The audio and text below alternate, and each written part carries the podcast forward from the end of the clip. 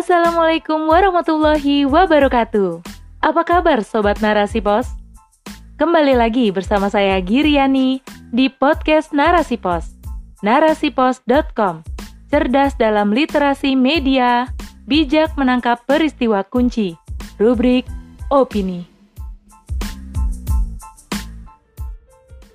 Mencapai target net zero emission, cukupkah dengan pajak karbon? Oleh Renita. Wacana perubahan iklim telah menjadi isu seksi yang diperbincangkan di dunia internasional. Bagaimana tidak, eksploitasi kekayaan sumber daya alam energi ala kapitalis nyatanya menimbulkan ancaman mengerikan bagi lingkungan. Masifnya pembakaran energi fosil telah menstimulasi emisi gas rumah kaca yang berimbas pada pemanasan global. Demi membenahi masalah tersebut, akhirnya pemerintah menggulirkan pemberlakuan pajak karbon bagi perusahaan batubara di negeri ini. Sebagaimana diwartakan dari berita1.com, sektor PLTU batubara akan dikenai pajak karbon secara bertahap. Beleit ini termaktub dalam rancangan Undang-Undang Harmonisasi Peraturan Perpajakan atau HPP yang telah selesai digodok pada sidang paripurna hari Kamis, 7 Oktober. Yasona Lauli, selaku Menteri Hukum dan Hak Asasi Manusia, mengungkapkan bahwa mekanisme pajak karbon akan diberlakukan pada batas emisi sesuai cap and tax dengan tarif Rp30 per kilogram karbon dioksida ekivalen. Program ini merupakan irisan dari roadmap green economy yang disejajarkan dengan carbon trading dalam rangka mengurangi emisi karbon, namun tetap memberi iklim yang nyaman bagi dunia usaha. Adanya regulasi tersebut seolah mempertegas keseriusan pemerintah dalam menangani problem perubahan iklim yang kian mengkhawatirkan. Pemerintah juga diklaim sebagai pionir pertama pajak karbon di dunia yang berasal dari negara ekonomi baru. Namun, akankah pemberlakuan pajak ini benar-benar dapat merealisasikan target net zero emission, bagaimanakah cara Islam mengelola sumber daya alam melimpah dalam rangka kemaslahatan masyarakat? Indonesia termasuk negara yang rawan terhadap perubahan iklim tersebab daerah kepulauan yang melingkupinya. Seiring dengan menguatnya tren perubahan iklim, pada tahun 2016, Indonesia meratifikasi Paris Agreement yang memuat kesepakatan Nationally Determined Contribution atau NDC dan menjadikan penanganan perubahan iklim sebagai target utama pemerintah dalam agenda dan realisasi pembangunan 2020 hingga 2024. Dalam manuskrip NDC, Indonesia bertekad untuk meminimalisasi emisi gas rumah kaca atau GRK yang membahayakan lingkungan dengan presentase 29% diatur secara mandiri dan 41% melalui bantuan internasional pada 2030.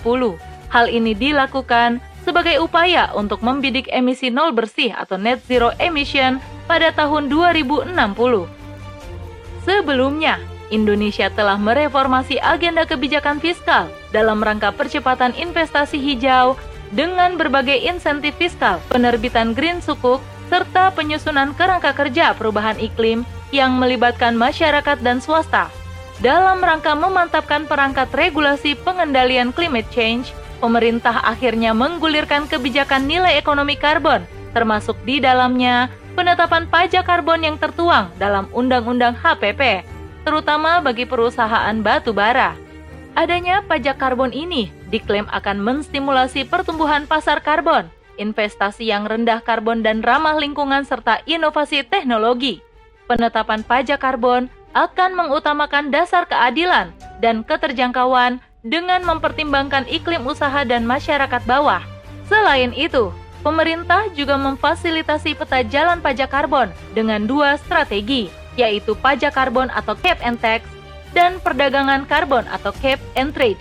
Masifnya eksploitasi sumber daya alam energi tak pelak akan berimbas pada kerusakan lingkungan dan juga mengganggu kehidupan masyarakat sekitar.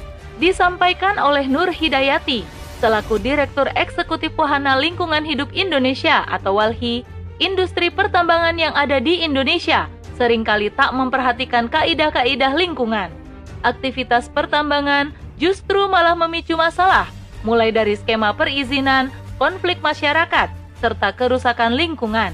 Bahkan, hingga berakhirnya penambangan masih saja menyisakan dosa-dosa lingkungan, seperti lubang tambang yang tak kunjung direklamasi. Belum lagi banyak pengusaha pertambangan yang melanggar dari aturan perpajakan, sehingga semakin memperburuk citra industri tambang. Dari sini, tampak aktivitas pertambangan merupakan industri yang buruk, sebab potensi kerusakan lingkungan dan munculnya berbagai problem yang berasal dari eksploitasi tambang ini nyatanya berlangsung dari hulu hingga ke hilir. Di samping itu, regulasi yang digulirkan pemerintah kerap kali tak menyolusi, malah semakin memberi kelonggaran pada pengusaha untuk mengeruk kekayaan alam negeri. Lihat saja bagaimana AMDAL kehilangan kesaktiannya karena dipangkas dalam draft Undang-Undang Ciptaker dan Undang-Undang Minerba yang justru semakin memberi karpet merah pada pengusaha untuk mengeksploitasi lahan produktif. Begitupun aturan perpajakan yang berbelit-belit membuat para pelaku tambang sering kali lolos dari jerat pajak. Maka, adanya pajak karbon bagi perusahaan batu bara belum tentu bisa meminimalisasi emisi gas rumah kaca serta mengurangi dampak kerusakan lingkungan. Sebab, pada faktanya, masih banyak perusahaan yang melakukan penambangan secara ugal-ugalan tanpa peduli dampak negatif yang ditimbulkan. Ditambah lagi, pengusaha tersebut juga sering mangkir dalam pembayaran pajak dan terus melaju produksinya tanpa peduli terhadap kelestarian lingkungan. Jangan sampai adanya aturan pajak karbon ini justru malah menambah masalah baru, alih-alih menyolusi, justru memberi celah adanya penyelewengan kembali. Kerusakan lingkungan dan berbagai masalah yang membuntutinya akan terus terjadi ketika negeri ini masih berada dalam cengkraman sistem kapitalis. Sebab penguasa dalam sistem ini hanya berdiri sebagai regulator yang memuluskan ambisi korporasi dalam mengeruk kekayaan negeri, sementara kesejahteraan rakyat sama sekali tak menjadi prioritas. Mereka hanya diperas tenaganya demi mengamankan bisnis kapitalis. Wajar, hasil kekayaan alam yang melimpah justru mengalir deras ke kantong-kantong para kapitalis, sedangkan rakyat tetap saja sengsara.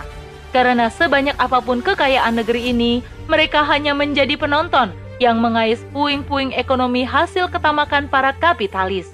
Dengan regulasi apa pun, para pengusaha tak akan mungkin memperhatikan dampak ekologis di setiap aktivitas penambangan yang dilakukannya. Sebab, tujuan korporasi dalam naungan kapitalisme adalah merealisasikan profit semaksimal mungkin. Adanya lingkungan hanya dijadikan lahan bacakan yang harus dieksploitasi, bukan untuk dilindungi. Maka, keberadaan pajak karbon untuk meminimalisasi kerusakan lingkungan tak akan pernah bisa menyelesaikan masalah. Karena kesalahan fatalnya ada pada sistem ekonomi negara yang berlandaskan sistem kapitalistik. Sistem rakus yang tak peduli terhadap sesama, apalagi alam raya. Selamanya, kerusakan lingkungan dan penderitaan rakyat tak akan pernah usai ketika pengelolaan sumber daya alam masih dikuasai korporasi. Maka dari itu, butuh ketegasan pemerintah untuk mengambil alih pengelolaan sumber daya alam berlimpah dan strategis dari swasta asing dan asing, sehingga tak akan terjadi eksploitasi sumber daya alam yang akan mengundang berbagai ancaman bagi lingkungan dan masyarakat. Pengelolaan seperti ini hanya akan terjadi dalam sistem pemerintahan yang melandaskan aturannya pada akidah Islam, yakni khilafah. Khilafah Islam akan mengatur pengelolaan harta kepemilikan umum dengan tetap menjaga kelestarian lingkungan dan optimalisasi hasilnya untuk kepentingan rakyat. Dalam Islam, kekayaan sumber daya alam merupakan bagian dari kepemilikan umum. Umat merupakan pemilik yang sah, sementara negara berkewajiban untuk mengelola sumber daya alam dengan profesional. Hasil pengelolaannya dikembalikan kepada rakyat dalam bentuk subsidi untuk kebutuhan pokok, pendidikan, fasilitas umum, dan kesehatan. Haram hukumnya ketika pengelolaan diserahkan kepada segelintir orang. Hal ini merujuk pada hadis Rasulullah Shallallahu Alaihi Wasallam yang bersumber dari riwayat Ibnu Majah. Kaum Muslim berserikat dalam tiga hal: air, padang rumput, dan api. Mengenai kepemilikan umum ini, berdasarkan hadis riwayat At-Tirmizi diceritakan bahwa Abiyad bin Hamal bermaksud meminta izin kepada Rasulullah Shallallahu Alaihi Wasallam untuk mengelola tambang garam. Kemudian Rasulullah memperbolehkannya. Namun beliau Shallallahu Alaihi Wasallam ketika itu diingatkan oleh sahabat, wahai Rasulullah, tahukah engkau apa yang telah engkau berikan kepada dia? Sungguh engkau telah memberikan sesuatu yang bagaikan air mengalir Kemudian Rasulullah Shallallahu Alaihi Wasallam bersabda, ambil kembali tambang tersebut dari dia. Dari hadis tersebut diibaratkan tambang garam seperti halnya air mengalir. Rasulullah Shallallahu Alaihi Wasallam yang semula mengizinkan tambang tersebut dikelola oleh Abyad, kemudian mengurungkan niatnya ketika mengetahui tambang itu memiliki deposit yang besar. Karena kandungannya yang melimpah, tambang tersebut digolongkan ke dalam kepemilikan umum sehingga tidak boleh dikelola oleh individu, baik itu swasta lokal maupun asing. Maka, dalam pandangan Islam, tambang yang depositnya besar, baik itu garam atau selainnya, seperti batu bara, minyak bumi, emas, tembaga, perak, dan sebagainya, merupakan hak milik umum yang harus dikelola negara, bukan justru dialihkan kepada asing. Mengenai kerusakan lingkungan, Hal ini tidak akan terjadi pada sistem Islam, sebab mekanisme pengelolaan sumber daya alam dalam Islam akan dilakukan dengan penuh tanggung jawab, tak akan menimbulkan ancaman mengerikan bagi lingkungan. Landasan ruhiyah akan terpatri ketika mengelola sumber daya alam, bukan ruh bisnis seperti kapitalis yang hanya mengejar keuntungan pribadi dengan menafikan segala dampak buruk terhadap lingkungan. Sebab menjaga kelestarian lingkungan adalah salah satu prioritas Islam dalam pemanfaatan sumber daya alam. Dalam surat Al-A'raf ayat 56, Allah Subhanahu wa taala berfirman, "Dan janganlah kamu membuat kerusakan di muka bumi sesudah Allah memperbaikinya." Dengan mekanisme seperti ini, maka negara Islam akan mengelola sumber daya alam secara profesional demi kemaslahatan rakyat dengan tetap menjaga kelestarian lingkungan. Sementara kapitalis hanya menambah penderitaan rakyat dan menghasilkan kerusakan lingkungan yang tak berkesudahan. Maka, sudah saatnya kita beralih kepada sistem Islam yang terbukti mampu memakmurkan rakyat dengan pengelolaan sumber daya alam berdasarkan syariat sehingga keberkahan dapat terwujud di dalamnya. Wallahu a'lam bishawab.